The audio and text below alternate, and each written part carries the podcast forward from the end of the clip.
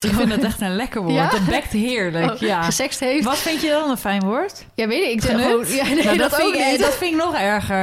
Maar ik zat- Gebald? Hallo. Goedemorgen, middag, avond, nacht. Welkom dat je... Welkom. Welkom dat je... Waar is dat ook weer van nou? Welkom dat je kijkt. Is dat niet dat, dat nummer van eh, Tim? Tim eh, van Snapking? Geen idee. Welkom dat je Sjoerd hebt. Oh, Sjoerd heeft ook op telefoon op. Maakt niet uit. Hoi allemaal. Leuk dat jullie allemaal luisteren Ja. naar een nieuwe podcast. Yes, yes, yes. Hoe gaat het met je? Druk met jou? Ja, blijft hetzelfde. We mogen dat niet meer zeggen. Druk is geen antwoord. Dan gaat het niet zo goed. Oh. Zal ik dat zeggen dan? Ja, dat mag. Dat is beter. Ja, nou, ik vind altijd wel dat... Ik heb hier eh, echt jaren geleden een post over gemaakt. Zal ik eens kijken of ik die kan terugvinden? Want die heb ik wel op Feline Foof gezet. Dus die zou ik in theorie snel moeten terug kunnen vinden. Over, ehm, over dat iedereen... Als je aan iemand vraagt, is het altijd druk. Ja, of goed. Maar Ja. als je aan iemand vraagt hoe gaat het nou echt met je, kom pas de aap uit mouw. Ja, maar hoezo is druk een, ehm, een ding? Snap je? Hoezo, Dus wat makkelijker gezegd. ja, hoezo is dat een... ehm, Soms is dat het makkelijkste antwoord om er niet het- per se de diepte in te gaan. Dit heb ik geschreven op 27 oktober de 2020. Oh. Hey, hoe gaat het? Ja, druk. ik betrap mezelf op dat dat de afgelopen jaren voornamelijk het antwoord was. Maar waarom kan het niet gewoon zijn goed? Prima, wel oké, slecht, minder, et cetera. Waarom is het druk het nieuwe goed van tegenwoordig? Het voelde goed als ik eens kon zeggen... ja, eindelijk een beetje rustig. En soms zei ik ook gewoon dat ik het druk had om onder bepaalde dingen uit te komen... In plaats van zeggen dat ik gewoon geen zin had. Alleen sukkels hebben het druk. Er is niks met een vol actief leven. Good for you, zegt Tony Krabbe, bedrijfs... Ik weet niet waar ik dit vandaag gehad heb. Bedrijfspsycholoog. Maar Google. Maar de staat van business, waarin we tegenwoordig onophoudelijk verkeren... het wordt tijd die achter ons te laten. Ik probeer de laatste maanden, wat ook wat meer kan door corona... ik zou niet willen weten hoe echt druk het nu was als we niet in de pandemie zaten... echt meer rust in te plannen, maar merk dat het toch moeilijk is. Dus probeer ik gewoon alleen maar dingen te doen waar ik energie uit haal. Dus bijna niks meer wat energie kost. Dat zijn de rustmomenten minder nodig, voor je gevoel in ieder geval. Ik moet zeggen dat ik me ontzettend verveel als ik rust... En dan gewoon alsnog iets ga doen om mezelf nuttig te maken. Al is het maar wasjes te rijden of mijn auto naar de wasstraat brengen. Ben ik dan gewoon niet de persoon om te rusten? Of doe ik het nog steeds verkeerd? Zolang het goed blijft gaan, heb ik niet het idee dat er iets moet veranderen. Maar het is wel belangrijk af en toe erbij stil te staan en even te kijken of het nog wel goed gaat met jezelf. Wat zeggen jullie als iemand vraagt hoe het gaat? Wauw. Ja, ja, Feline Foof. van 27 oktober 2020. nou, dus toen dacht ik dat ook al. Dus ik vind, ik vind druk dus geen Ja. hè? Ik vind druk dus geen goed antwoord. Nou, dan gaat het gewoon even niet zo lekker. Oké. Waarom? Omdat het druk is. Gewoon, ik heb geen rust in mijn hoofd. Letterlijk niet. Zie gaat alleen maar door. Alleen maar dingen doen die je energie geven. ja, heb je oh, minder wat rust ga ik dan zeggen? hey, krijg de tering even. Ga, ga even allemaal alleen verhuizen zonder mij. Verf even het hele huis zonder mij. Zonder dat het wat kost. Nou, ik, kost, ja, ik wou net zeggen, dan kost het alleen maar heel veel Ja. geld. Ja, Even verhuizers inhuren en ververs een of het inhuren. ander. Ja, precies. Ik kies vaak eh, tegenwoordig voor het tweede. Dan betaal ik wel mensen om het voor me te doen. Ja, dat, dat, dat snap ik ook hoor. Maar ik vind het dan zonde om uit handen te geven, omdat ik voor mijn idee het wel kan zelf, snap je? Ja, oké. Ik vind een huis verven ook wel iets anders dan een badkamer aanleggen. Ja, dat moet je mij niet vragen hoor. Mij niet bellen. Nee. Of hier eventjes de hele boel eh recht trekken en eh, Ja. je paadjes leggen. Ja, ik had met Sjoerd, dus even voor eh, dat jullie het snappen. De, ze zijn nu bezig met het trek hier aan te leggen. Ja. Dus Esme heeft net even een klein rondleiding gegeven toen het nog daglicht was toen ze aankwam. En toen Sjoerd dus vanmiddag ook aankwam, toen zei hij ook van, oh, ik ben wel echt heel blij dat zij dat doen. Want met Shanky was ik echt een maand bezig geweest. Ja. Ik zei een maand? Ik denk dat je wel een half jaar bezig was geweest. Echt heel Want als je lang, gewoon de juiste machines en de personen ervoor hebt, Ja, dan, die er eh, gewoon makkelijk en zijn het handig mee letterlijk zijn. in drie dagen klaar. Ja, bizar. Ja, echt zoveel mensen zeiden van... oh, ik dacht echt dat je weer weken en maanden erin Nee. zou zitten. Denk, nee, dat is gewoon het grote verschil... als je zo'n loonwerker inschakelt... die gewoon zo'n ziek grote graafmachine heeft. Ja. Als je dan met zo'n klein graafmachientje wil doen... ja, daar ben je veel langer bezig. Ja, eens. Gewoon hup, grote werk inschakelen. Maar hoe is het met jou dan? Nou, gaat eigenlijk wel lekker. Ik ehm, ga niet zeggen dat ik het druk heb, want dat valt best mee. Want ik heb juist heel mijn agenda leeggepland deze weken... omdat er zoveel verbouwingen hier gaande zijn. Mhm. Zodat ik veel thuis kan zijn, om natuurlijk ook een beetje in goede banen te leiden. Mhm. Ehm, neem niet weg dat het nog steeds wel dingen doe en ergens heen ga. Maar ik heb ook de paarden even op een lager pitje staan. Mhm. Mar loopt nog steeds niet helemaal goed. Mm. Dus die ja, komt eigenlijk wel even mooi uit dat hij nu een beetje vrij heeft. Nacho ga ik morgen weer mee naar Wesley nemen voor balkjesles. Maar ja, Oh, die heeft leuk. dus wel... eh, die staat wel al sinds donderdag stil. Oh, dus maar dat je wel. ja, wel, dat komt vast wel goed. Dus eh, die heeft ook een, wel iets meer vrij dan normaal gesproken. Maar dat is ook niet erg, weet je wel, voor hun. Nee, met zo'n jong paard al helemaal nee, niet. maar er gebeurt ook veel. Hè. Ze zijn net even... Ze hebben een paar dagen bij Mireille gestaan. Ja, nu weer een paar dagen thuis, maar dan wel op een, op, een, op een klein stuk. En aan de andere kant van het eh, hek gebeurt er een hoop. Dus Ja. dat zal natuurlijk ook wel wat indruk op ze achterlaten. Nou, dan gaan ze eind deze week gaan ze weer naar Mireille toe. Dus ja, dan gaan ze dus weer verhuizen. En je merkt wel heel goed dat omdat ze echt met de kudde verhuizen, dat het echt heel goed gaat eigenlijk. Ja, Ehm, maar ja, het zijn toch andere routines, andere Ja, dingen en zo. Ja. Dus het is ook niet zo erg om ze even eh, wat rust te geven, zodat ze mentaal wat meer aankunnen ja, dan lichamelijk. mooi. Dus eigenlijk ehm, gaat het best prima. Nou ja, goed, een paar, of dus een, een week geleden natuurlijk niet. Ehm, maar daar ga ik het straks over hebben, over dat beroep. Oh ja, Toen ja, eh, ja. konden we echt even alles onder de grond wegzakken. ja. En nu gaat het eigenlijk eh, gaat stabiel. Dus dat wilde ik Stabiel kut. nee, stabiel prima. was een grapje, jongens. Ja. was een grapje. Nou, ik vond het ook wel weer leuk om eh, dagelijks te uploaden. Maar het was, ik vond het heel lief dat mensen zeiden van... oh, superleuk, maar pas wel op jezelf, want je hebt net vlogmas gehad. En je, ik vond het heel leuk om te doen. Ehm, nou, vervolgens ging ik eh, een weekendje naar Den Bosch toe... dus daar ga ik dan natuurlijk niet filmen. Mhm. Maar ik was wel weer dus echt tot half twee s'nachts soms aan het editen, weet je wel. Dat je Ja. dacht, nou, daar, dat had ik niet gemist. Nee, precies. Dus dat is soms wel lastig. Of dat je, in, dat was natuurlijk met Vlogmas ook altijd al zo... dat je soms dan in de ochtend graag die video alvast geëdit wil hebben... want dan hoef je dus s'avonds laat niet door te werken. Mhm. Maar dan neem je dus wel al een, de helft van je, van je daglicht Ja. eigenlijk eh, in beslag. Dat je dus niet zoveel daglicht meer over hebt... om dus weer voor de volgende dag een leuke vlog te maken. ja. Dus daar liep ik alweer een soort van binnen drie dagen tegenaan. Dat ik dacht, oh ja, eh, dit werkt op deze manier. Dus ik, ehm, ja, ga er, ik heb nu dan even een pauze van een paar dagen. En dan ga ik straks weer even door totdat het allemaal af is. En dan ga ik gewoon weer het normale schema aanhouden. Lekker bij het, goed bezig. Ja. Super trots op Ja. jou. Dus gaan we lekker. Heb jij een struggle? Nou, Eh, jij eerst. Want ik heb... eh, Mijn struggle is wel lang. Ja, die van mij ook. Oké. nou, ga ervoor zitten. Oké. Ik ben heel erg benieuwd. Ja, ik eh, heb de afgelopen week, weken echt met een heel groot iets gestruggeld. En het is heel raar, want het heeft weer niet met mezelf te maken, maar met iemand anders.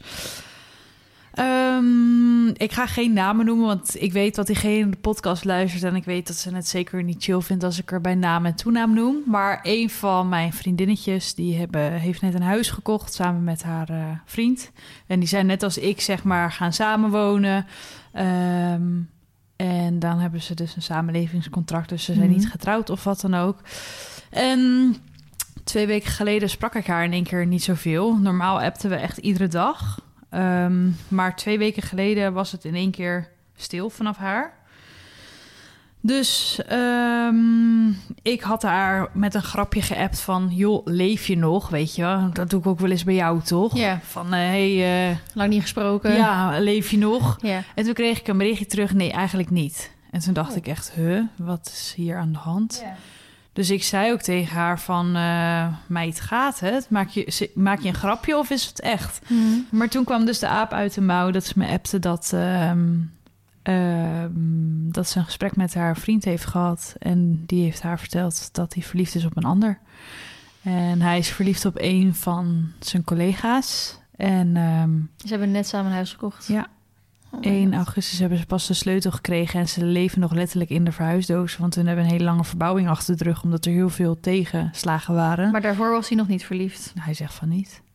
Hij zegt dat dit ongeveer twee maanden nu speelt. En ehm, ze, ehm, dat, dat gesprek van hun was op vrijdag. En op maandag is hij een week naar zijn ouders, of tenminste een midweek naar zijn ouders gegaan. Omdat zij zei van ik wil dat je daarheen gaat zodat je kan nadenken. Maar zij had eigenlijk dat weekend al het idee van nou de deur is al dicht voor ons, snap je? Dus zij appte me dat en ik dacht echt, wat de fuck. Maar Ja. ik ging het meteen helemaal op mezelf rela- relateren. Van, Ik ga Ja. ook straks, ik ga 100 kilometer van huis verhuizen. Wat gebeurt, wat gebeurt er Hmm. als dit met mij gebeurt? Wat, wat? En alle doemscenario's, al mijn dromen gingen letterlijk de hele week daarover. Het was echt mega intens. Ja. Dat ik echt dacht, het lijkt net of dat ik erin zit, terwijl ik... het is niet eens mijn verhaal, snap je? Het was Mhm. heel bizar. En eh, dus ik ben heel erg super meelevend met haar natuurlijk geweest. En ehm, ja, het is nu eigenlijk dus wel zover als rond dat hij dus echt niet meer met haar verder wil. Mhm. Hij wil ook geen therapie of wat dan ook. Dus het is echt, gewoon eh, klaar. het is gewoon klaar. Ja. Maar die struggle gewoon voor die, dat verdriet en de, ik heb vooral boosheid naar hem toe, zeg maar. Ja, Terwijl maar- ik dan ja. denk, ik heb hier helemaal niks mee te maken, hè? Helemaal Nee. niks. Terwijl, ik snap volledig wat je nu zegt. Maar aan de andere kant vind ik het dan... Ja, om het even zo te zeggen... aan verliefd worden op iemand anders... kan je een soort van niks aan doen misschien. Nee. Dus wel eerlijk van hem dat hij dat dan eerlijk zo heeft gezegd. Mhm. En nou, hopelijk nog niet is vreemd gegaan. Mm. Dus dat, dat kan ik dan wel waarderen. Maar het maakt de situatie natuurlijk niet minder vervelend. Ja. En hoe zij er dan mee omgaat is echt heel knap. En zij is totaal niet boos en wil alles gewoon in goede banen leiden. En het is ook inderdaad wat je zegt, je kan verliefd worden op een ander. Maar het is voor mij meer, wat doe je er zelf mee? Kijk, Mhm. ik vind bijvoorbeeld dat je, met een re dat je op iemand anders verliefd wordt, heeft dus een reden. Maar als je er niet achter komt wat die reden is. Kijk, hun zaten in een verhuizing, waren Ja. beide voltijd aan het werk, zaten nog tussen de verhuisdozen. Dus al, alle vrije tijd die ze hadden, was letterlijk klussen. Dus Ja. dan is je leven ook gewoon even Ja. kut. Heel Nou, eerlijk. dat is wel goed dat je dat zegt. Want meestal word je, meestal, hè, word je verliefd op een ander... omdat er dan in je eigen relatie iets mist. Nou, dat is dus eigenlijk hetgene wat je, Ze waren tien jaar samen, hè? wat je, wat je net... Eh, Besef, jij ja. en Sjoerd, hè? ja, en dan heb ik soms het idee dat het gras dan groener lijkt aan de overkant. Ja, weet je precies wel? dat. dat. je even weer, want als hij nu voor die collega gaat... Kijk, ik ken echt, ik weet niet eens over wie je het hebt, dus ik, ik gis maar gewoon wat. Mm. Als hij nu met die, zijn tien jaar relatie laat gaan om dan met die collega verder te gaan, dan is het eerste, nou misschien max twee jaar leuk. Ja, en, en dan, daarna denk je in één keer, fuck, wat heb ik gedaan? dan gaat hij, denk ja. ik hoor. Dat is mijn op, ja, idee erbij. En misschien wordt hij Maar- helemaal gelukkig met haar en Ja. eh, blijft hij tot de dood bij haar. En dat is ook prima. Maar Ja, precies. Maar gewoon bijvoorbeeld therapie of wat dan ook. Of eh, de collega een tijd niet zien. Of weet je, Ja, dat of- soort dingen ja. zijn natuurlijk ook gewoon stappen die je eerst had kunnen nemen voordat je je dan. Het is wel moeilijk met een collega, want die zie je dus elke dag. En dan ga je misschien toch een beetje flirterig naar elkaar doen. En dan een beetje uitdagen. En dan. Ja, en dan is helemaal het gras groen ja, en als je dan inderdaad elkaar niet zou zien, zou het anders zijn. En kijk, therapie is natuurlijk een stap. Maar überhaupt gewoon alweer even investeren in elkaar. Ja, Gewoon net zoals. Eh, ik zal niet zeggen dat Sjoerd en ik in een sleur zitten, want dat is niet zo. Maar hij is natuurlijk de helft van het jaar weg. Hmm. En als hij dan thuis is, dan ga je inderdaad klussen. Want wij Ja. zitten daar ook in. En we hebben elkaar echt afgesproken van... we willen eigenlijk het liefste gewoon één keer per week op date. En dat kan Ja. zijn naar de film, een etentje. ja, al is het een, leuks met z'n al is het tweeën. een fietstochtje, Ja. weet je wel. Gewoon even iets met z'n tweeën... wat niet met het huis te maken heeft. En Precies. dat je gewoon wel in elkaar blijft investeren. ja, en ook dat je gewoon aan elkaar blijft vragen hoe gaat het en dat soort dingen. Maar ik was zo intens van mijn padje af voor haar. Het was Mhm. echt bizar gewoon. Ja. Dat ik echt dacht, hoe kan dit? Alsof Maar- ik het zelf meemaakte, terwijl ik het niet eens zelf meemaakte. Maar ik voelde Mhm. gewoon helemaal dat ik dacht, oh, dat arme meisje, weet Ja. je wel? Maar ook dat komt me super bekend voor. Want in de afgelopen... Nou, wij zijn Short en ik zijn al straks alweer negen jaar samen. Hebben wij natuurlijk ook zoveel mensen zien komen en gaan. Zoveel relaties zien komen en gaan. Dat je op een gegeven moment gewoon dacht... dit hoort, dit, dit is normaal. Mhm. En dat je, dat je bijna gaat twijfelen aan je eigen relatie. Van, moeten wij dan ook maar uit elkaar? Weet je wel? Terwijl Ja. er echt nul aanleiding voor was. Ja. Maar gewoon omdat je het zo erg om je heen ziet inderdaad... ga je eh, ook in één keer over inderdaad... Ga je over dingen twijfelen Ja, en anders die zien er helemaal niet zijn. Beer op de weg zien. Nou, dat had ik dus ook. Ja. Dus ik was helemaal in paniek gewoon. Dat ik dacht, oh mijn god, straks Ja. gaat jullie ook collega leuk vinden of zo. Ik dacht echt, nou, dat gaat mijn leven. Ja. Echt heel intens. ja, snap ik. Maar Dus- ik snap ook dat je het zo kon aantrekken. Want zo- zoals je volgens mij weet... heeft een vriendin van mij dus ook laatst gezegd... dat haar vriend heeft toegegeven... dat hij dus wel echt is vreemd Mhm. gegaan... maar dan zonder gevoelens. En ik... Zij, we waren zo klaar met dat telefoongesprek en ik hang op en ik, en ik was gewoon misselijk van de... Ja. Ja, niet per se, ja, ook wel woede, maar gewoon, ik gun het haar zo niet. Ja, ik, dat heb ik ook ik gun haar dat je zo denkt, erg je... een, een- Waarom? Ja, Waarom zij dan? ja, precies. Dat. Dus ik snap hem helemaal. Bah. Dus dat was mijn struggle van de afgelopen weken. En ik dacht dat het wel iets was om te delen, omdat het inderdaad, wat je zegt, het komt eigenlijk te veel voor. En eh, Ja, zeker. er zijn echt heel veel gekke verhalen wat dat betreft. En dan denk ik weer, oh, wat heb ik eigenlijk een gezonde relatie. Dat Mhm. besef ik me dan wel weer heel erg goed. Maar ja, wel weer even pittig. Maar zeker omdat... ehm, ja, goed, jij hebt hiervoor al vrij lange relatie gehad met ups en downs. Ik heb voor Sjoerd ehm, een half jaar met iemand gehad. Klinkt niet lang, maar dat duurde toen heel erg lang.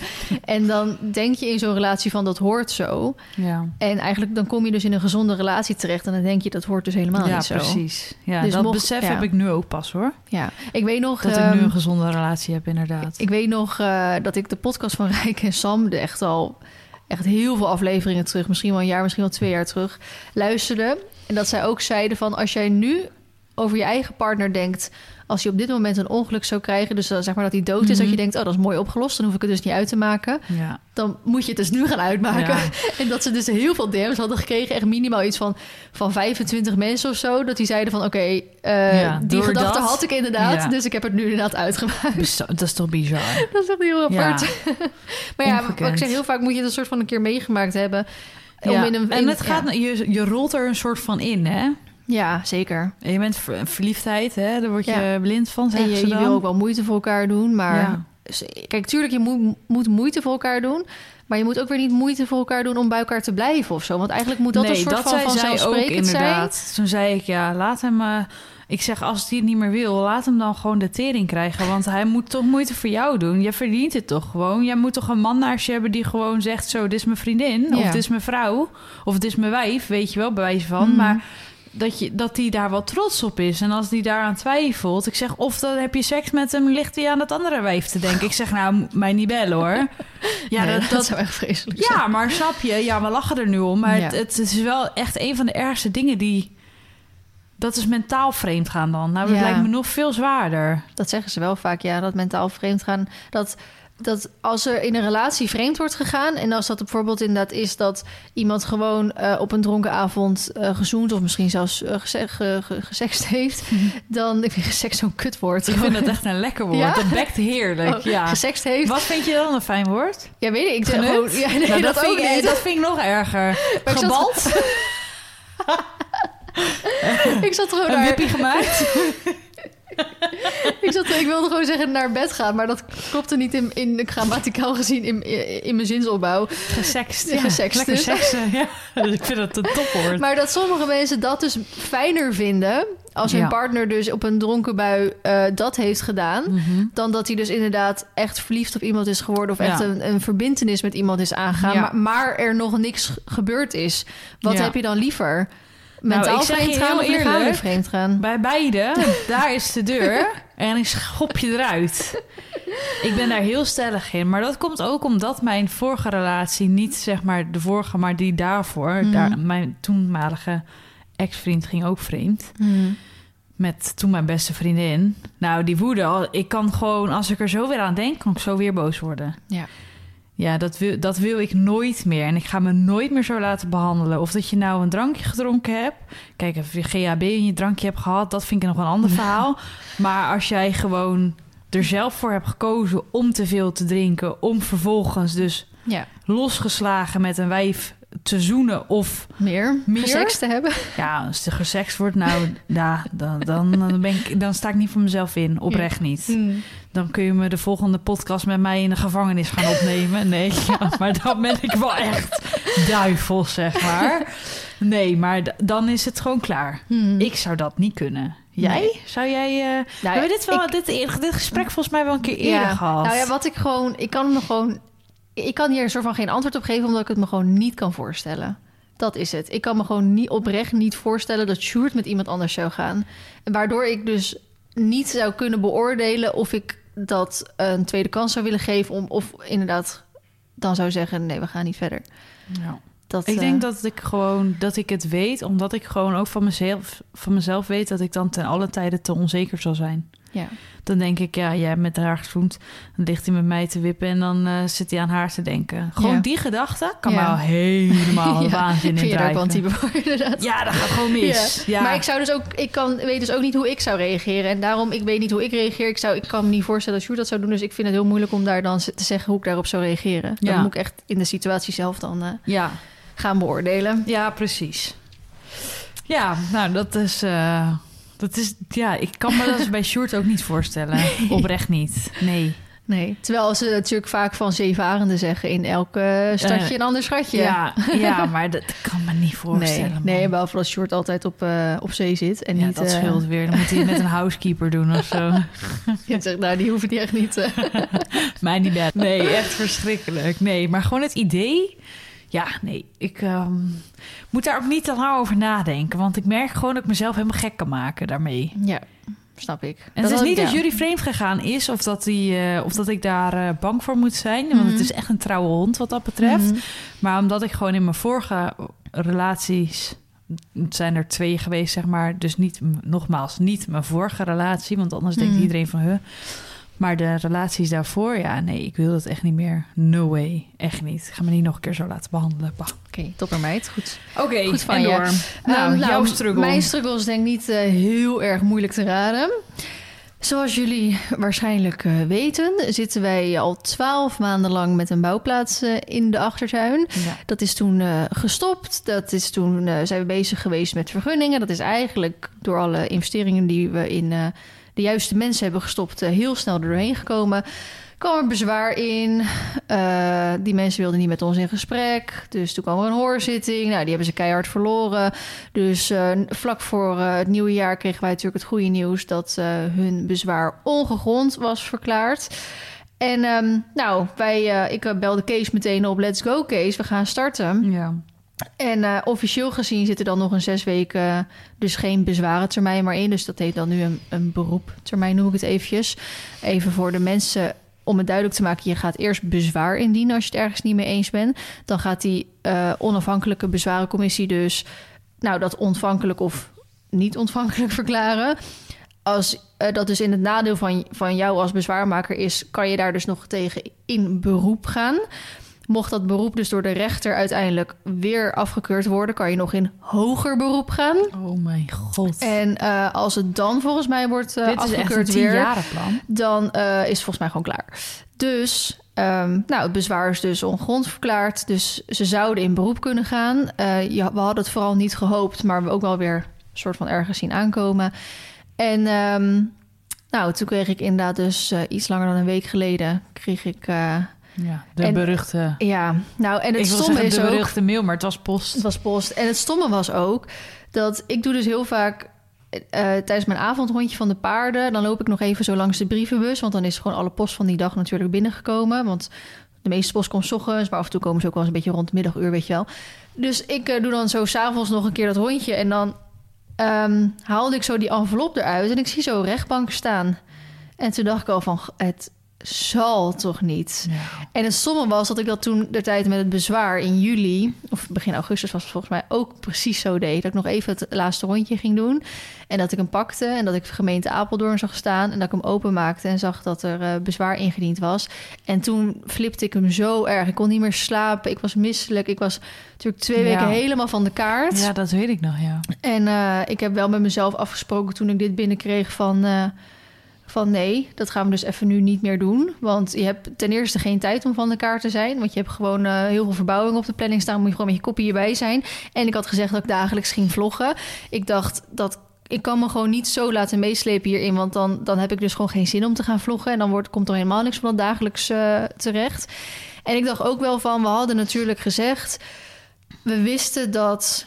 ehm, we wisten dat die kans er was dat iemand in beroep ging. Maar dat hadden we dus al van tevoren besproken met en mijn adviseurs en met de gemeente. Van wat als dat gebeurt? En toen zeiden ze wel van nou, daar heeft de gemeente eigenlijk op korte termijn geen, geen tijd voor. Zoiets kan rustig gewoon anderhalf jaar duren voordat de gemeente daar een keer.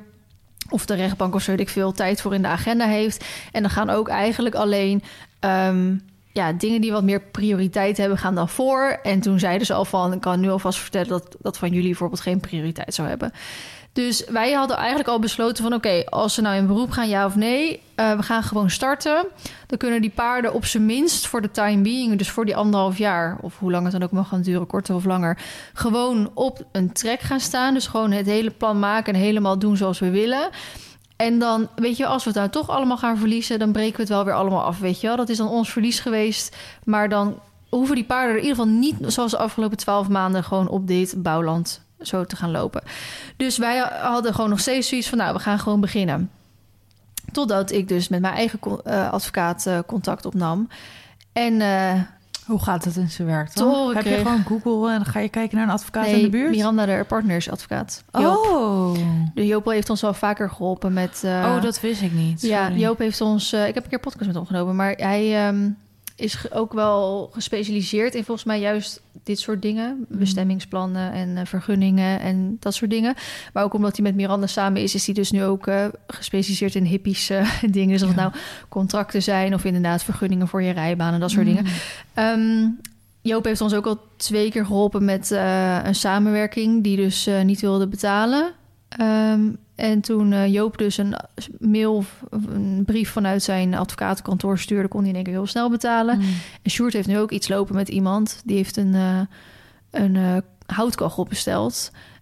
ter waarde van dik 2000 euro voor de overkapping buiten. En daar heeft hij twee onderdelen zijn daar niet van geleverd ter waarde van 600 euro. De, en die man, die, daar is gewoon geen contact mee te zoeken. En elke keer als Sjoerd dan contact met hem zocht, dan zegt hij van ja, ja, komt er eh, deze week aan, weet je wel. Maar uiteindelijk, Sjoerd heeft dat in september besteld. Het is nu fucking februari. En toen heb ik in december, heb ik dus gebeld... En vanuit Sjoerd van nou, uh, hoor eens even, je houdt hem aan het lijntje en je stuurt niks op. En je neemt ook zijn telefoon op een gegeven moment niet meer op. Dus uh, ik bel eventjes. En wanneer komt dat nou eindelijk? En um, hij heeft gezegd, ja, ik ga het volgende week opsturen, bla bla. En ik zei, ja, mag hopen voor je. Dus toen ik die week daarna niks hoorde, toen belde ik nog een keer. En dan natuurlijk mijn telefoon ook niet op. En toen was uh, Noek was hier. Dus ik zei tegen Noek, mag ik even met jouw telefoon bellen? dus ik heb met Noek zijn telefoon bellen.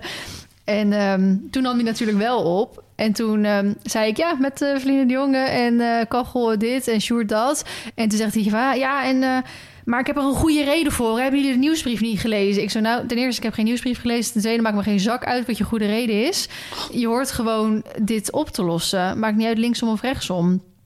Um, en toen zei hij echt van, uh, nou, ik ga het echt uh, tussen kerst en oud en nieuw ga ik het opsturen en zo.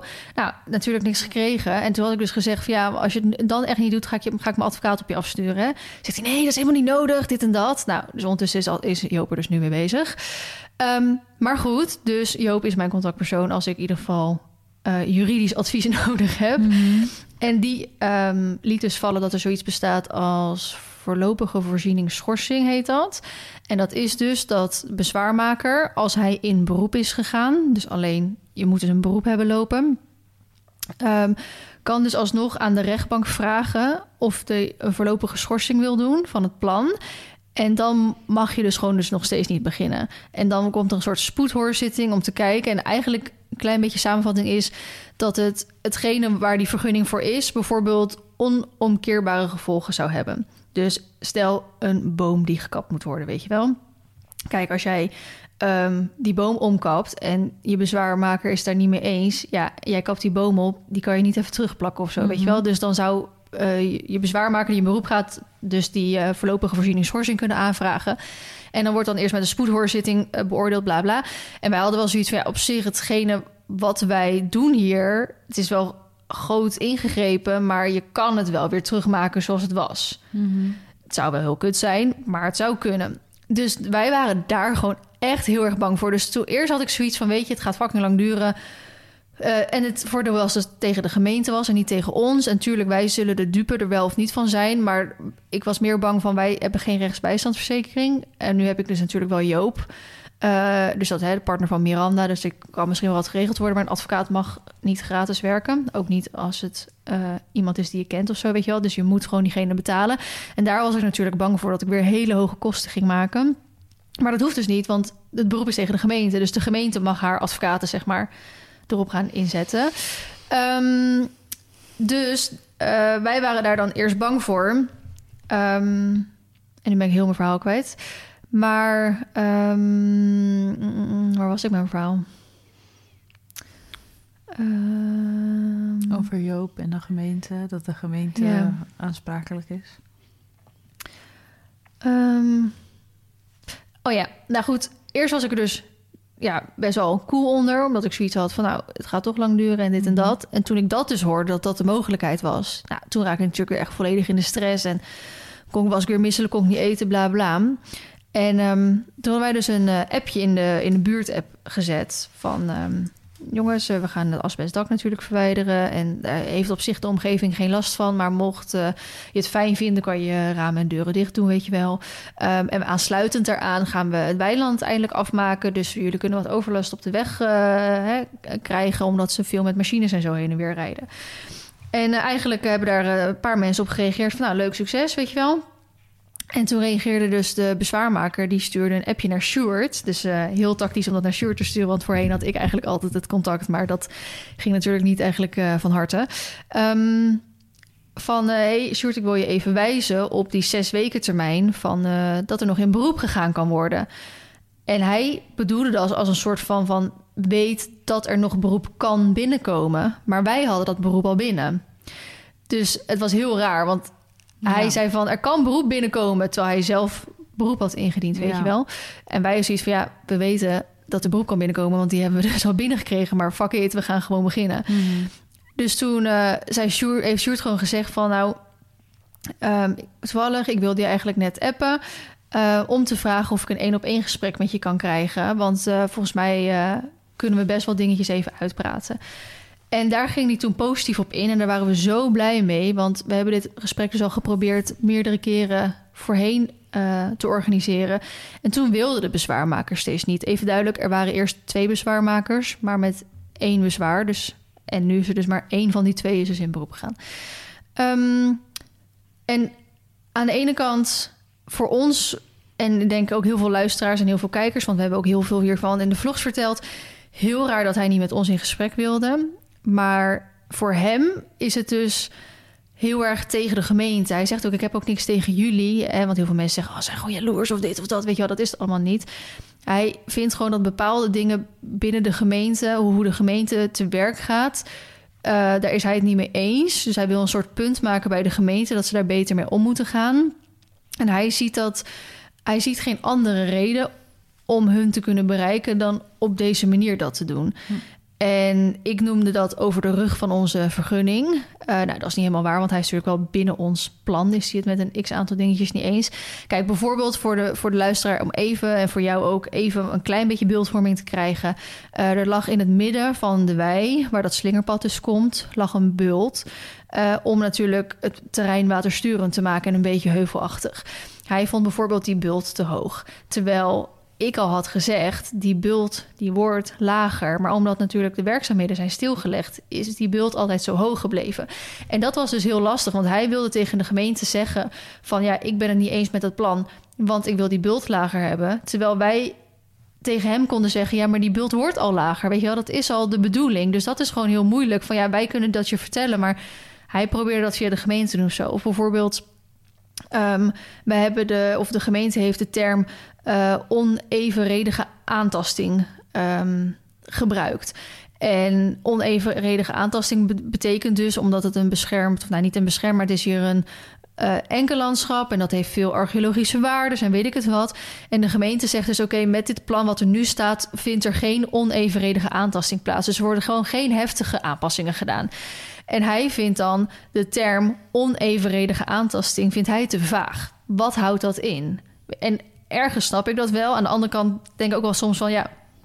Zich, wij zijn eigenaar van het terrein.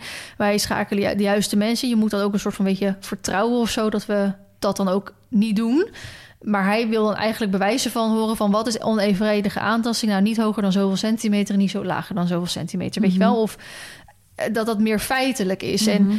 Hij is dan soort van bang dat als, weet ik veel, mensen hier in de omgeving dan ook dingen gaan aanvragen. Van ja, waar is dan die grens van onevenredige aantasting? Weet je wel, wanneer ga je erover of wanneer blijf je eronder? Dus hij probeert meer een soort statement bij de gemeente te maken van jullie gebruiken te vage termen om zulke soort vergunningen dan goed te keuren. Mhm. Maar hij heeft dan niet door dat hij daar ons mee heeft. Want wij zijn de dupe van dat het er al de hele tijd zo bij ligt. Mhm. En er is een reden, ehm, maar ik mag het van Short niet vertellen. Want hij vindt dat niet aan ons om te doen. Ik heb het ook met mijn fysio erover gehad. En hij zei ook van, nou, ik denk dat je dat beter niet kan zeggen. Ehm, maar ik kan misschien een, een klein beetje cryptisch doen. Ehm, er is, denk ik, denken we, we weten het dus niet zeker... Een, wel een soort van reden waarom hij dit zo aanpakt, op deze manier communiceert. Dus, en dat, dat is de enige reden waarom ik dit heel even wil, toch wilde zeggen is omdat echt na alle verhalen die wij, alle uitleg die wij in de vlogs afgelopen tijd hebben gedaan, nog steeds gewoon echt zoveel mensen reageerden van ja, ik snap gewoon niet waarom dit en dit en dit. dit. Terwijl Mhm. wij zoiets hebben, ja, wij, ja we, snap, we snappen het aan de ene kant natuurlijk ook niet, maar aan de andere kant dus ook weer wel. Dus Hm. eh, wellicht dat die mensen dan nu ook het iets meer snappen. Jeetje, wat een verhaal weer, Vee. Ja, maar goed, hij had dus geen intentie om, ehm, om dat, eh, die, die voorlopige schorsing eh, aan te vragen. En ehm, dat was fijn, want daardoor konden, konden wij gewoon beginnen. En nu zijn ze lekker begonnen en zijn ze al twee dagen bezig en ziet er echt super mooi uit. En ik denk morgen zijn ze klaar. En eh, dan zijn we er alweer klaar mee. Ja. Lekker, meid. Ja, dus dat was mijn struggle van de afgelopen tijd. Nou, we gaan door. Dat we, ja, was wel even een dingetje weer gewoon. Ja, dat zeker. Ehm, ja, wat, hoe was voor de rest je week? Je afgelopen twee weken? Mm, doen we dat meteen in deze? Ja, dat is deze. Dit is je week bespreken, meid. Ik eh, heb Baloo verhuisd. Ja. Ik moest even nadenken, wat heb ik nou allemaal gedaan deze weken? ik heb Baloo vorige week... Vorige week vrijdag pas verhuisd, ja. Eh, spannende dag. Eerste grote stap naar het oosten, om maar zo te zeggen. Zo voelde het een beetje. Ja, want veel En- mensen vroegen ook... waarom ga je Baloo al verhuizen voordat je zelf verhuisd bent? Ja, maar we hadden natuurlijk een soort van tijdsblok gemaakt... dat we dachten dat we nu al zelf over waren. En ik mocht Baloo al langer laten staan in Soest. Maar nou ja, om weer op dat autistische iets terug te komen... ik heb maanden naar deze soort van datum uitgekeken... en voor Mhm. mezelf deze datum getrokken en gezet. En zo van, oké, dit is de eindbestemming en dit is het einddoel. Mhm. En ehm last minute dat omgooien kreeg ik in mijn hoofd niet voor elkaar. Echt niet. Dat ging gewoon voor geen meter. Mhm. Dus ik heb ervoor gekozen om er in ieder geval vast over te zetten. Ook met het oog op dat we zo hard met het huis gingen... dat ik dacht, nou, dit gaat geen maanden meer duren. Eh, eerder weken, dagen, weet je wel, dat. En ik kan natuurlijk bij Jury in... en dat doe ik nu ook wel wat meer... en Jury had ook aangeboden om op de dagen te gaan dat ik zelf niet kon. En de stal-eigenaresse had ook gezegd van... maak je niet druk, wij houden het oogje in het cel. En als Ja, want je is, hoeft op eh, zich niks te doen daar, toch? Alleen te komen en te trainen. ja, dat is echt heel luxe. dus dat, dat was wel heel erg fijn. Mhm. We zijn lekker met open armen ontvangen. En ehm, we hadden Baloo eerst in de rijbaan gezet... zodat ze de paarden in ieder geval op afstand kon zien. Maar eigenlijk was de rest van de kudde, zeg maar... dacht van, oké, ja, leuk dat je er bent... maar gewoon nul aandacht. Mhm. Dus toen zei ik, weet je, zet er maar gewoon bij. Dan hebben we het maar gehad. Nu ben ik er nog en dat is net zo makkelijk. Nou, ze ging gewoon bij de hooibak staan en ze ging staan eten met z'n allen. Het was echt heel bizar. Mhm. Het was echt Wat chill. beter had ik me niet hoe kunnen groot was die groep nou? Eh, nu staan ze met zeven in totaal. Maar zijn dat ook paarden die al heel lang met elkaar staan... of ook nog wel recent? Mm, twee Friese en een Shetlander. En die zijn van de eigenaresse en die staan al wel enige tijd samen. Er zijn dan nu eh, twee pensionklantjes, zeg maar, naast mij. En dat is een, een eh, D-pony en een 20, 25-jarig paard. Mhm. En er staat nog een fjord bij, maar die is voor de verkoop. Dus die zal niet zo heel lang blijven. En die staat er dus ook niet... eh, Maar misschien is het dus juist wel fijn als er wat, wat, een wat grotere groep is. Want ik denk als je gewoon in, in twee of zo erbij moet... die zijn dan zo aan elkaar gehecht en dan in één keer een derde erbij. Ja, dat zal inderdaad anders zijn. Maar nu is het gewoon een beetje hier een vriendje, daar een vriendje, dat. Ja, ja.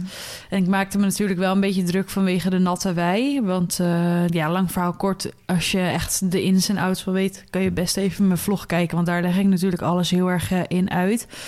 Maar eigenlijk gaat dat heel erg goed. En haar voetjes worden iedere dag afgespoten als ze binnengezet wordt. En worden droog gemaakt en eventueel ingesmeerd als het nodig is, weet je. Dus ja, meer dan dat. Ons best kunnen we in ieder geval niet doen. En ze lijkt het tot nog toe nog steeds hartstikke goed te doen. Mhm. En vandaag is het di- dinsdag. Eh, donderdag ga ik voor het eerst naar dressuurles Oh, op de vereniging. Dus Mhm. ik ben ook heel benieuwd Ga je gewoon met de trailer bij ons zadel? Nee, we gaan onder het zadel. Oh, leuk. Ja, We? zij, we? ja uh, stal-eigenaresse rijdt dus ook iedere of om de week met haar Fries in de les. Mhm. En zij doet altijd onder het zadel stappen en dan gewoon paardlichtjes om. En zij een eh, zo'n vestje aan en dan Ja, gewoon ja. naar de vereniging toe. Dus ik stap achter haar aan en dan eh, zien we het wel. Haar eh, vriend is mee, dus voor begeleiding als het nodig is Mhm. of zo, kan, ja, kan hij mij ook helpen. Ja. Dus dat komt denk ik helemaal goed. Ik ben vooral heel erg benieuwd hoe ze dat vindt. Want onder het zadel de afgelopen weken was ze echt een criem. ze is gewoon niet zo echt erg met haar gedachten bij mij, weet je wel. Ze is zo druk nog met wat er om haar heen gebeurt bezig... en gewoon nul focus. En dan vraag ik iets en dan krijg ik geen reactie... en dan vraag ik het nog een keer en dan krijg ik weer geen reactie. En dan denk ik, potverdikkie, Beloek, vraag je echt niet heel veel... Mhm. en maar een half uurtje per dag, maar hallo, eh, hier ben ik... Mhm. Terwijl aan de lunch doet ze het echt fantastisch. En denk ik echt, wow, we zijn echt vet vooruit gegaan. Maar ja, Ja. Iedere stap achteruit is twee stappen vooruit.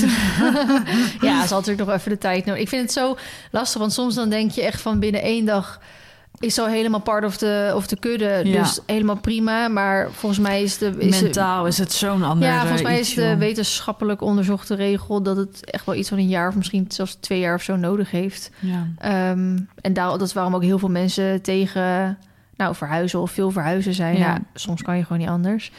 Maar ehm, ja, dus daar hebben ze natuurlijk altijd nog wel eventjes wat... eh, ja, hebben ze ook de tijd nodig. Maar dat is wel, soms denk ik, huh, ik wil gewoon nu, weet je wel, dat.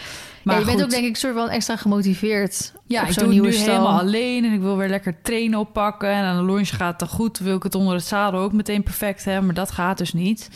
Maar soort volgende week, als ik het goed zeg, ja, volgende week ook behandeld door de osteopaat. Jij weet haar naam, Jessie.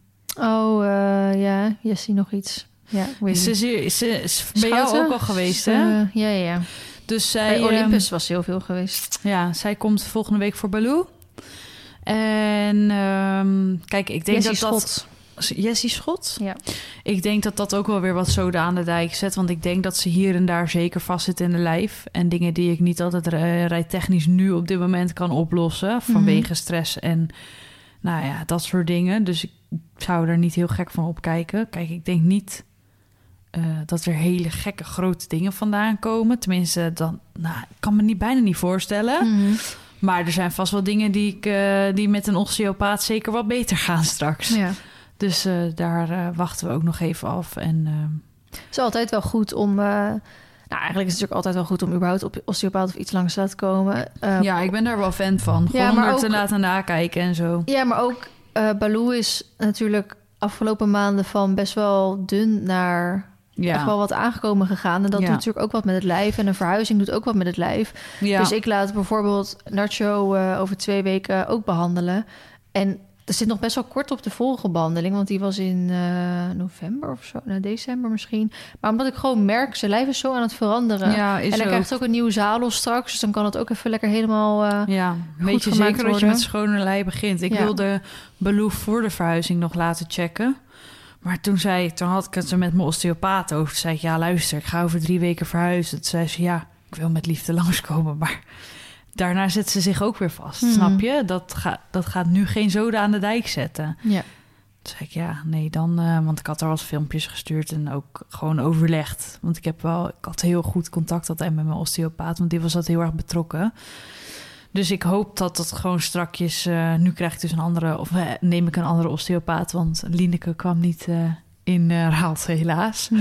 Dus ehm, ja, ik ben benieuwd. We zullen wel zien hoe het gaat. Maar ik moet zeggen, het bevalt me hartstikke prima. Ik mis het alleen gewoon soms, of tenminste, missen is een groot woord. Ik heb natuurlijk altijd een bijrijder gehad. En ik merk nu dat ik het heel lekker vind om alles alleen te doen. Maar ik voel me bijvoorbeeld schuldig, zoals morgen ga ik... Ik rij vanavond terug naar Soest, want morgen werk ik thuis... en Mhm. donderdag moet ik naar kantoor.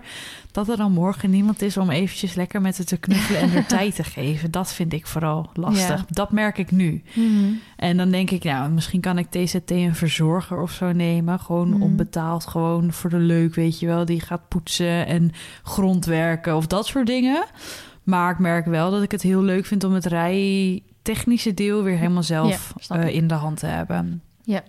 Ja, Ja. dus dat is wel... eh, Ja, ook al zie ik ook wel, ehm, ik zag van de week weer iets voorbij komen op Instagram dat juist wat accounts zich deden uitspreken over dat veel mensen ehm, inderdaad zeggen dat je elke dag naar je paard moet. mhm. En dat die mensen zich dus een soort van schuldig gingen voelen omdat zij niet elke dag naar hun paard gingen. Mhm. En ik deed het ook altijd. Ik kan me bijna geen dag heugen inderdaad dat ik niet naar mijn paard ben geweest. Die zijn bijna op één hand te tellen in de afgelopen tien jaar. Als in dat ik echt niet ook echt een weekendje weg was of zo, weet je wel.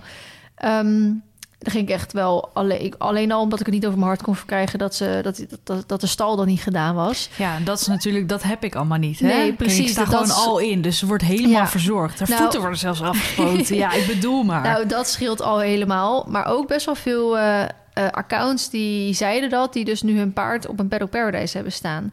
Want die zeggen ook allemaal van ja, maar het hoeft inderdaad niet meer. Je, Ja. je kan inderdaad wel, kijk, daar, daar ben ik natuurlijk altijd wel voorstander van om ook naar je paard te gaan zonder ook echt iets, te, te doen. doen, Dus ja. gewoon even inderdaad knuffelen en dat is ook altijd goed. Even in de stal zitten, Maar- horen hoe ze eten, dat soort dingen. Ja, maar gewoon het feit dat je geen stallen meer of uit te mesten, geen binnen-buiten hoeft te zetten, geen eh, voer eventueel klaar moet zetten en zo, dat geeft jezelf ook veel rust en je paard natuurlijk daardoor ook, eh, waardoor je dat dan niet meer hoeft te doen. Ja, Dus dan hoef je ja niet elke dag te gaan. Er Ja. zijn best wel veel mensen die niet elke dag naar een paard gaan. ja, maar alsnog, dat moet je... Kijk, of- Carmen. Carmen is hier twee, drie keer in de week. Ja, maar ik ben niet Carmen. Bila, Carmen. Nee, ja, nee ik, kan, ik weet niet. Ik vind dat wel nog lastig. Dat merk ik vooral nu. Hmm. Maar misschien wordt het straks ook wel minder als ik gewoon... eh, als we allebei op onze plek zitten. Maar ja, ik moet daar gewoon even rustig over nadenken. Want ik krijg ook echt nog steeds geregeld DM's. En ben je op zoek naar een nieuwe bijrijder? Denk ik, laat me met rust. Hou je mond. Nu jij niet. Nu jij komt op de zwarte lijst. Ja, nee, jij komt er dus niet in. Nee, ja, ik moet daar even niet aan denken Ja. hoor. Ook al weet ik ook goed dat ik... ehm, toen ik nog op Roosendaal stond, had ik ook een verzorgster. En die stopte er toen mee en zo. En toen dacht ik ook echt even van... Oh, echt even geen verzorgster. Ja, En toen had Jan dus een berichtje gestuurd van... ah, je had gezegd dat je geen verzorgster zocht. maar, je Maar kent mij nog niet. Ik dacht, ik eh, probeer het toch, weet je wel. Mocht je dan een keer wel nodig hebben, dan weet je me te vinden. En toen was haar profiel, zeg maar, hoe ze zich omschreef, was zo fijn. Ja. En ik heb natuurlijk echt misschien wel de beste verzorgster. Nou, Noek is natuurlijk ook super fijn, maar die is er pas net. Ehm, ja, Johan heeft natuurlijk Marley echt jaren gedaan. Ja. Dus daar was ik ook altijd zo blij mee. ja, het is gewoon makkelijk. Ook als je een weekendje weggaat Ja. of eh, kijk dan, dat soort dingen. En ik werk, blijf natuurlijk werken in Utrecht. Nou, dat zijn sowieso twee dagen in de week dat ik...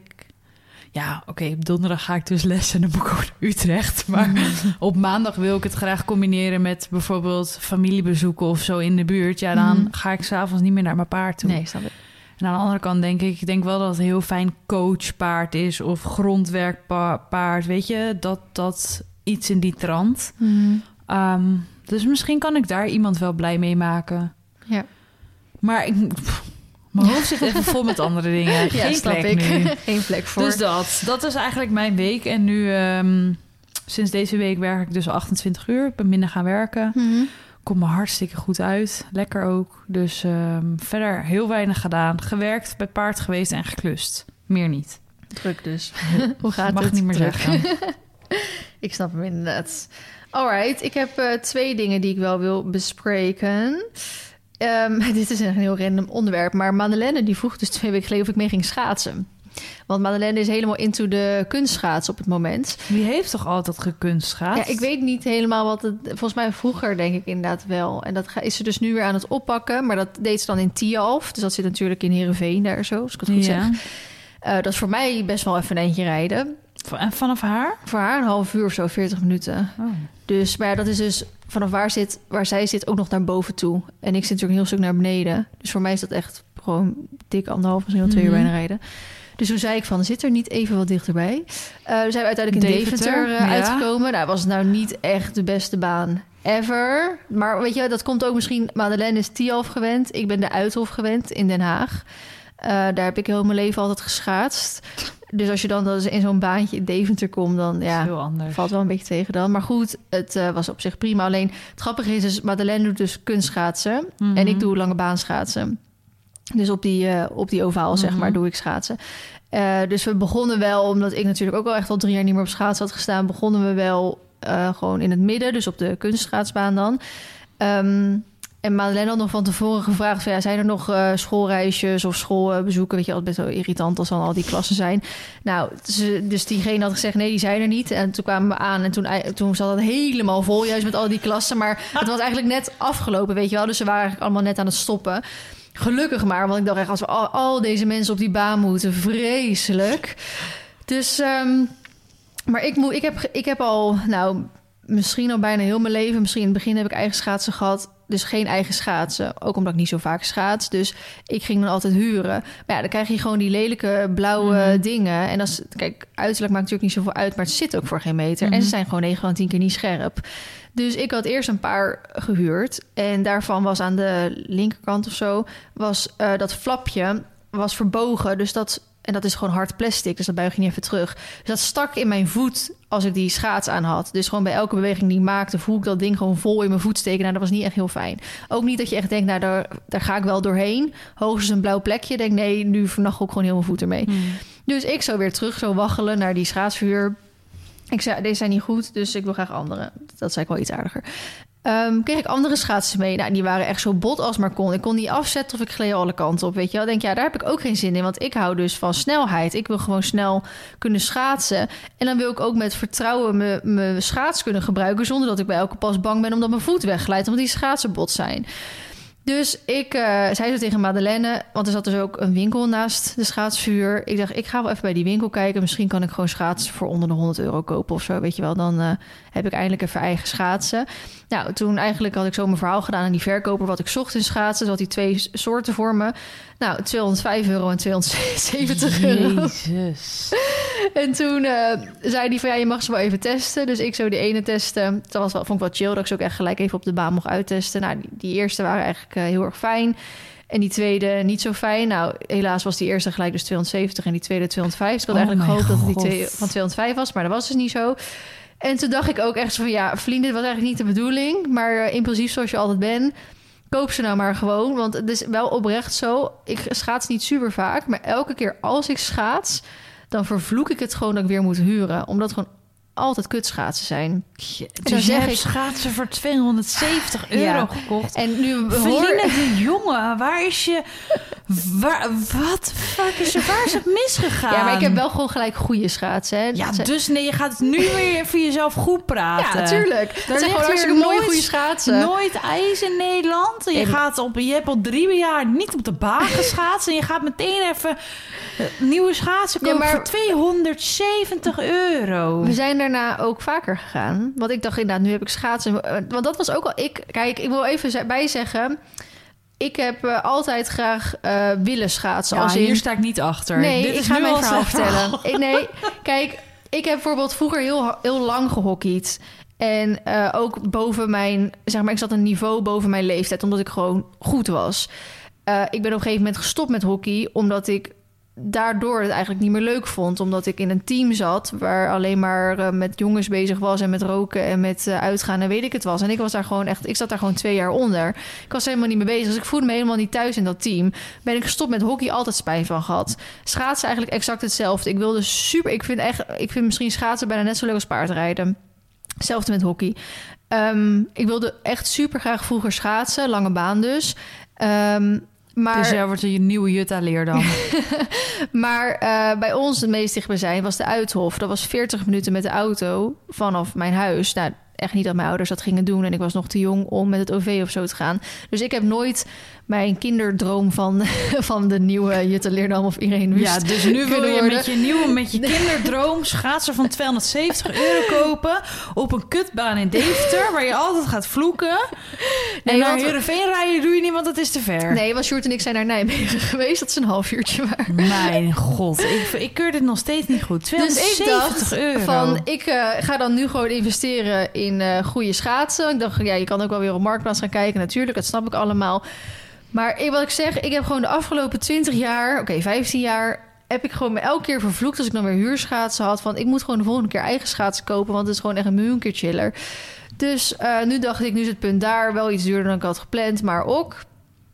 En uh, nou, toen vertelde ik aan Sjoerd van hoe leuk het weer vond om te schaatsen. En ik, ik heb dus heel mijn leven geen pootje over kunnen doen op de lange baan. Ik dat lukte mij dus nooit. Maar dat komt dus omdat ik altijd gewoon huurschaatsen had. En die gewoon eigenlijk ja, te bot waren of niet lekker genoeg zaten. Om dan zo ehm, het evenwicht te kunnen verdelen. Waardoor je dat kan vertrouwen dat je gewoon Mhm. de bocht doorkomt zonder op je bek te gaan. Dus nu stond ik voor het eerst sinds 15 jaar op goede scherpe schaatsen. En kon ik echt gewoon rondjes achter elkaar pootje overdoen. Wat ik dus mezelf heb aangeleerd. Ehm, dus ik, ik vond het dus juist heel fijn om dan nu goede schaatsen onder me te hebben. Zodat ik ook echt merkte van oké, ik ga hier ook echt beter van schaatsen. Dus ik vertelde zo aan Sjoerd hoe leuk ik het weer vond en hoe fijn ik het vond. En dat ik dus schaats van 270 had gekocht. En toen eh, ging ik dus kijken van wat voor banen hier nog meer in de buurt zaten. Want die van Deventer vond ik dus niet echt fantastisch. En er zit dus in Nijmegen ook eentje en die blijkt dus wel beter te zijn. En toen ging ik dus kijken naar hoe en wat. Toen zat ik op hun website en toen zag ik dus heel groot staan... dat zij een, nee, zo'n Holland eh, DJ-feest of zo hadden. Want ze hebben dus ook zo'n eh, ijshockey... Of zo. Ja, nee, ze, ze hebben zo'n ijshockey... eh, ja, ik weet niet hoe veld, hoe noem je dat? Mhm. En daar hadden ze dus zo'n discoavond met allemaal Nederlandse muziek en een DJ of zo. En dan op schaatsen. Dus ik zei zo tegen Sjoerd van, nou, zullen we dan daarheen gaan? Kunnen we even kijken hoe het is? Nou, op zich was wel grappig. Alleen, ja, er zijn wel best wel veel mensen dan daar. Dus je, ja, ja, je kan gewoon niet zo heel veel, weet je wel. Je zit gewoon alleen maar mensen te ontwijken op je schaatsen... en niet tegen mensen aan te schaatsen en zo. Maar toen was ik wel een soort van weer helemaal enthousiast. En ik dacht ook van, ik wil echt op schaatsles om mezelf te verbeteren... en dat pootje overgoed te kunnen doen en zo. Maar ja, je zit nu al een beetje aan het einde van het seizoen... Dus als ik dan nog wat schaatslessen wilde doen, dan was echt een paar vaste datums in februari en maart. Dat ik al zoiets had van ja, ik, eh, ik heb daar niet echt nu op het moment tijd voor. Dus wellicht volgend jaar. Dus het was meer ook een soort investering van ik wil echt wel graag meer gaan schaatsen. Ik denk ook dat je daar ook voor het paardrijden wel profijt van kan hebben en zo. Ehm, dus ik vond het super leuk. Nou, fijn dat je het leuk gehad hebt. Dus dat was mijn verhaal over schaatsen. Maar oprecht, soms denk ik wel eens... en dat wil ik echt niet overkomen als capsones of iets anders of zo. Maar ik denk als ik dus niet voor paardrijden had gekozen... en of was blijven hockeyen of eh, voor schaatsen had gekozen... dat ik wel, ja, wel ver had kunnen komen. Want ik ben gewoon echt extreem sportief aangelegd. En fanatiek ook wel aangelegd. En ik merk aan mezelf dat ik dus in paardrijden dat niet heb. Als in, je hebt toch bijvoorbeeld een Christie of zo... die wil gewoon graag winnen. Of je, eigenlijk mensen die sporten met paarden in de hoge topsport... die willen gewoon graag zo hard trainen dat ze winnen, toch? Mhm. Ik wil gewoon meedoen. Mij maakt het niet uit of ik win, weet je wel. Dus met paardrijden heb ik dat echt totaal niet. Terwijl ik met, met schaatsen wel al gelijk zoiets had van... oh, ga kijken of ik sneller dan die ben of sneller dan die ben. En kijken of ik, eh, weet je wel, zo... eh, en met hockey ook was ik altijd echt tering fanatiek. Dus ehm, ja, dat is een soort eh, onvervulde jeugddroom. Maar goed, ander onderwerp. Ik was afgelopen weekend naar Den Bosch toe... Want wij hadden kaartjes gekocht met zeven vriendinnen om naar Horse Event te gaan. En ik hoor je denken, Horse Event, dat is altijd in september.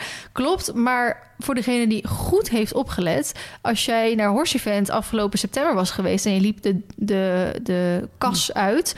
stond er op de achterkant van het welkombord... stond er, zien we jou op 7, 5, 5 februari eh, terug.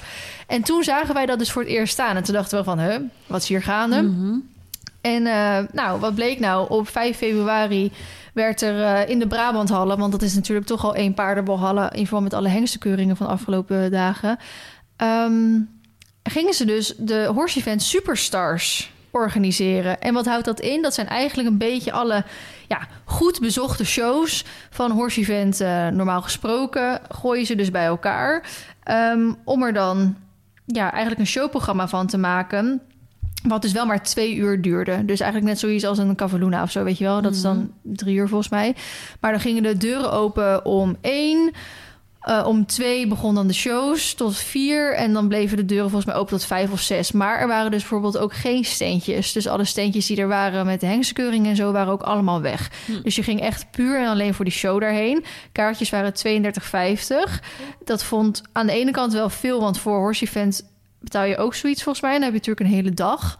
En heel veel verschillende pistes en heel veel verschillende standjes. Maar nu gaat het er natuurlijk om dat het meer echt een show iets is. En Cavaluna is natuurlijk ook eh, dat, of misschien zelfs nog wel meer. Dus ehm, nou, we wisten niet zo goed wat we er kan, kon- van konden verwachten. Maar we waren allemaal wel enthousiast. En toen hadden we er gelijk dus een weekendje in Den Bosch van gemaakt met al die meiden en zo. Maar ik zou je dus even vertellen. Ik vond het best wel tegenvallen. Dat eh Horse Event Superstars. En ik wil wel natuurlijk als eerste even zeggen dat eh, dat aan heel veel verschillende factoren ligt. En een daarvan is dat mijn, ehm, om mij zeg maar impressed te laten zijn, dan moet je best wel van goede huis komen. En daarmee bedoel ik meer, ik ga, zit al bijna zeven jaar, kom ik op Horse Event en bij Cavaluna en bij dat en bij dat. Dus ik heb gewoon echt al alles gezien. Ik heb echt al zoveel gezien Mhm. dat als jij, er moet wel echt iets soort van heel spectaculairs gebeuren, wil ik nog echt eh, denken van wauw. Snap je? Mhm. Wat ik bedoel dan? Dus eh, ten eerste wat ik dus zeg, ik vond het tegenvallen als in... dat komt ook gewoon een heel groot gedeelte door mij... omdat ik gewoon al zoveel heb gezien... dat dat voor mij wat daar werd laten zien dus niet heel nieuw meer was. Nu was het natuurlijk ook nog eens de nieuwe editie... dus voor het eerst dat ze dit gingen doen. Dus dan mogen er nog wel kinderziektes in zitten... Ehm, alhoewel ze natuurlijk wel al gewoon heel veel jaar dit doen. Dus dan hebben ze natuurlijk wel wat ervaring. Ehm, maar ik zal even met je een beetje doorgaan met wat er dan, ja, wat een beetje mijn mening overal over was. Wat, Nou, ik ga er even voor zitten. nou ja, weet je wat het gewoon was? Ik vond het. Ik heb eigenlijk alleen maar positieve reacties gelezen van mensen die zeiden dat het allemaal super gaaf was. Ik denk alleen wel dat misschien dan, ja, wij alweer bijna te oud misschien waren Mhm. om het dus fantastisch te vinden. Want eerlijk gezegd, van al die meiden waarmee we waren... en zij zijn of nog nooit of pas één of twee keer horse event geweest... in de afgelopen tien jaar. Ehm, zij vonden het... Zij deelden zeg maar mijn mening. Oké. En nog voordat ik hem had gedeeld, hè? Want we hadden vroeger gewoon zo van... eh, ehm, wat vonden jullie ervan? En eigenlijk zeiden zij direct van... nou, ik vond het eigenlijk een beetje tegenvallen... of ik had er eigenlijk meer van verwacht. Mhm. En nogmaals, ik wil gewoon absoluut niet Horsevent. Ik vind Horsevent echt het leukste evenement van het jaar. En dat is echt fantastisch. En ik hoop daar nog echt elk jaar bij aanwezig te kunnen zijn. Of dat nou als presentatrice is of als eh, weer eh, showgever of gewoon als bezoeker. Maakt me echt geen zak uit. Dus ik vind het echt super gaaf. Maar ik wil gewoon even mijn ervaring delen van afgelopen eh eh, Event. Omdat ik zag dat ook heel veel andere mensen aanwezig waren. Dus wellicht eh, hoop ik voor jullie dat jullie het allemaal gewoon fantastisch vonden. En helemaal die 32 euro waard. En misschien zijn er wat mensen die dezelfde mening met mij delen. Ehm, nou, de dag begon met Jesse Drent. Dus Mhm. Jesse die deed de openen met Macho. En dat was eigenlijk gewoon heel erg leuk. Want die maakte er een hele komische act van. Ja, ik had gezien. ja. Ehm, Dus het was gewoon echt super leuk en dat deed hij heel goed. En het ging ook eigenlijk allemaal heel goed. Dus in theorie heb ik een soort van niks erop aan te merken. Behalve dat ik Jesse met je macho echt al heel vaak gezien heb. Mhm. En dat, nogmaals, dat is dus gewoon een soort van mijn eigen probleem natuurlijk. Eh, je had die Vincent eh, Liberator. Ja. Dat is natuurlijk die gast die dan met die zes of zo eh, witte paarden cowboys, gaat. zeg maar. Oh nee, die Nee, met niet. die, met die witte paarden zo helemaal in vrijheid gaat. Ja. Nou, dat is ook prachtig om te zien en geweldig hoe hij dat doet. Maar dat is natuurlijk, of hij dat nou doet, of die Frédéric Pignon... of ieder, een van die andere Franse, Spaanse, Portugese gasten. Ehm, het is heel vaak zeg maar de eindshow op horse events. Dus ook dat heb ik zeg maar echt al heel vaak gezien, snap je? Eh, en ook bij eh Cavaluna worden ook dat soort dingen vaak wel eh, gedaan. Dus het is super gaaf om te zien. Maar ik had het dus echt al heel vaak gezien.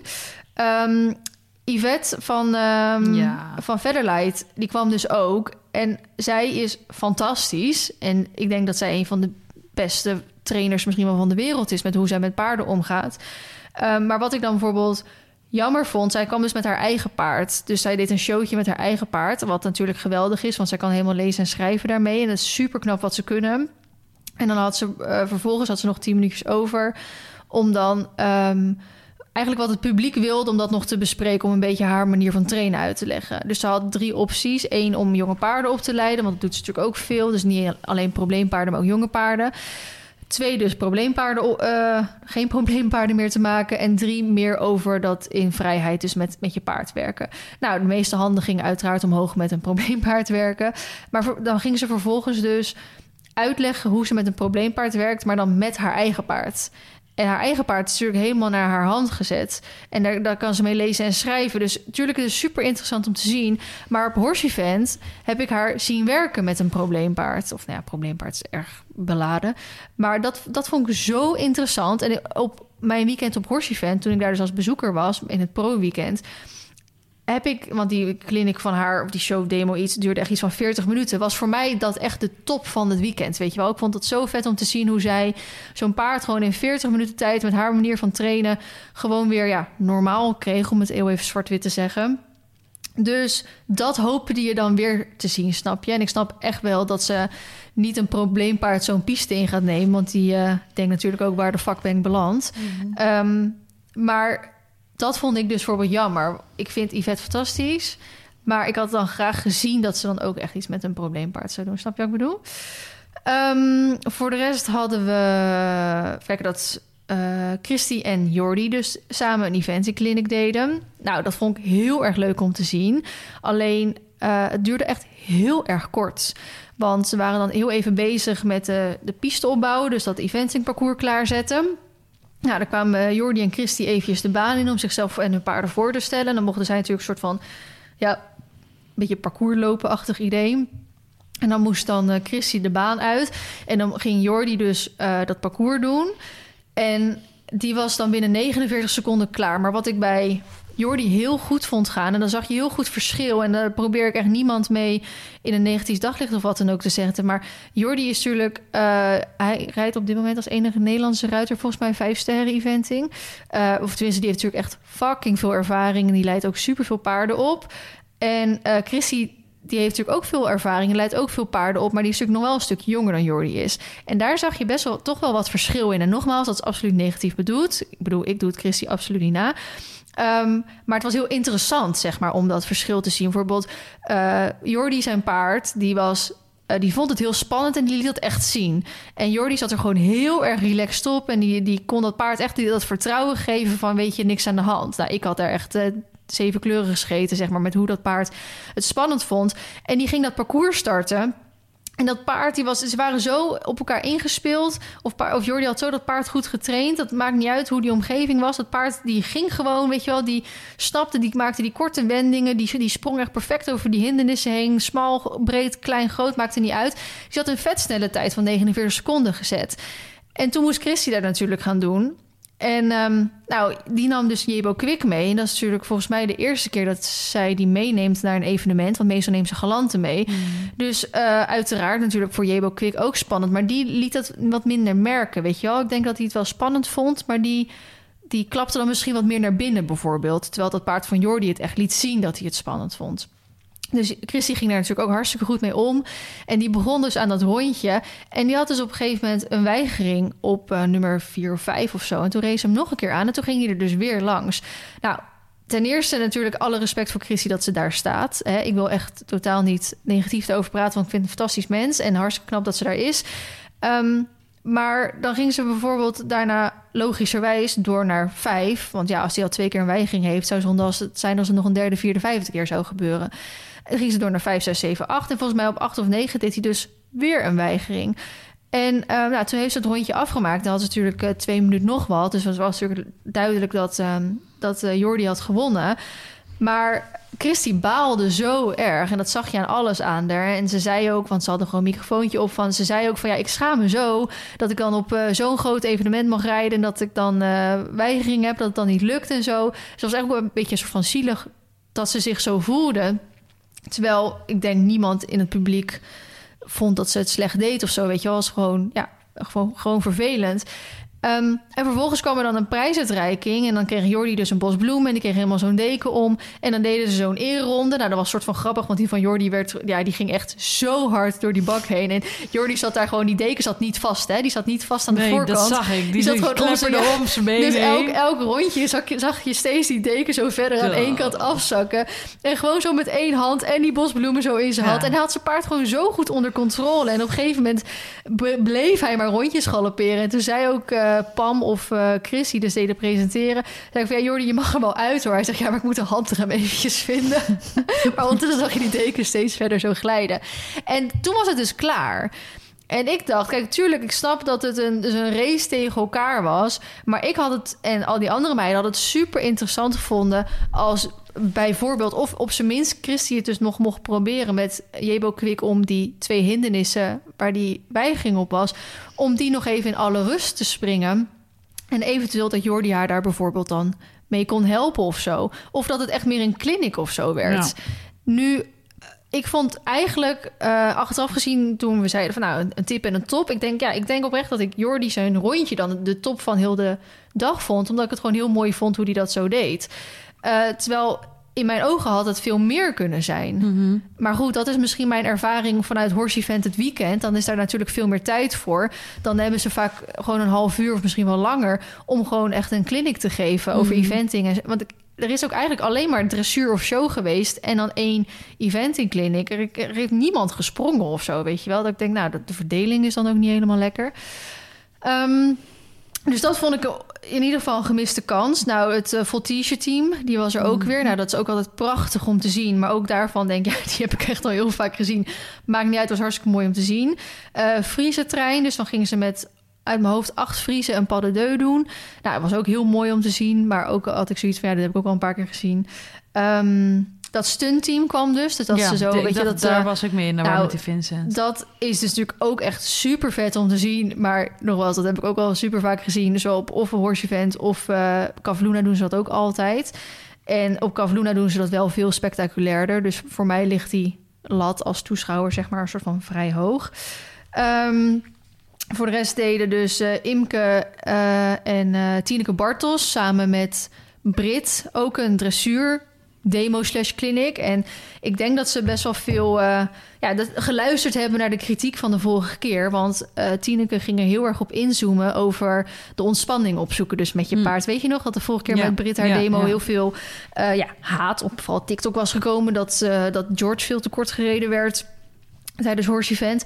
Dus je zag heel duidelijk dat Tineke dat graag eh, anders wilde. En dat vond ik hartstikke goed dat ze dat ook deed. En dat lukte ook eh, best wel. En dat lukte dan bij eh, Imke wat makkelijker dan bij, bij Brit. Maar Imke zei ook van ja, maar mijn paard voelt eigenlijk heel erg relaxed onder me. En Brit zei nou, die van mij voelt als een raket onder me, weet je wel. dus het was wel grappig natuurlijk. En was ook wel interessant denk ik om te zien. Ehm, en daarna gingen Brit en Carmen Coronel dus een... ehm, een kuur op muziek doen onder leiding van eh Sterre Koning. Ken jij Sterre Koning Ja. of niet? Ja, en nu ga ik weer even wat een beetje op het randje ze- zeggen. Ik vind het ten eerste heel knap dat Sterre hier komt en hier gaat optreden en heeft bereikt wat ze tot nu toe heeft bereikt. En eh, ik kan absoluut niet zingen, dus ik doe het er zeker niet naar. Maar ik vind Sterre dus niet zo heel goed zingen. En dat is een mening, hè? De- iemand anders kan haar natuurlijk helemaal fantastisch vinden. Dus eh, dan hebben we net al eerst een heel stuk naar Brit gekeken die heel lang haar tijd nam om uit de piste te gaan. Dat ik toch wel zoiets... Ik vind Brit een heel tof mens, maar dat ik echt zoiets had van Brit... eh, hup, die piste uit. het is klaar, het is eh, tijd voor de volgende, weet je wel. En eh, toen gingen zij die padden deu doen. Dat is natuurlijk hartstikke mooi om te zien. Twee van die eh barokke paarden zo naast elkaar. En dan onder leiding van sterren. En, en dat was dan een soort van de eindact, weet je wel. Dat ik Mhm. toch wel zoiets had van... Ik snap dat jullie hiervoor gekozen hebben... maar op dit moment voel ik me hier te oud voor. Snap je dan wat ik Mhm. bedoel? Ja.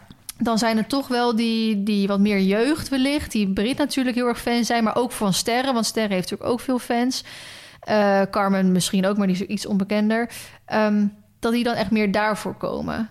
En voor mij had dat niet veel toegevoegde waarde. Ehm, dus dat was voor mij dan zeg maar ja, mijn mening over, eh over Horse Event. Dus aan de ene kant vond ik het superleuk en leuk eh, uitje met die meiden allemaal. Maar ik zou met de kennis die ik nu heb bijvoorbeeld niet voor volgend jaar ook een eh, ticket kopen. Tenzij natuurlijk volgend jaar het eh, programma heel anders is, wat Hm. aannemelijk is.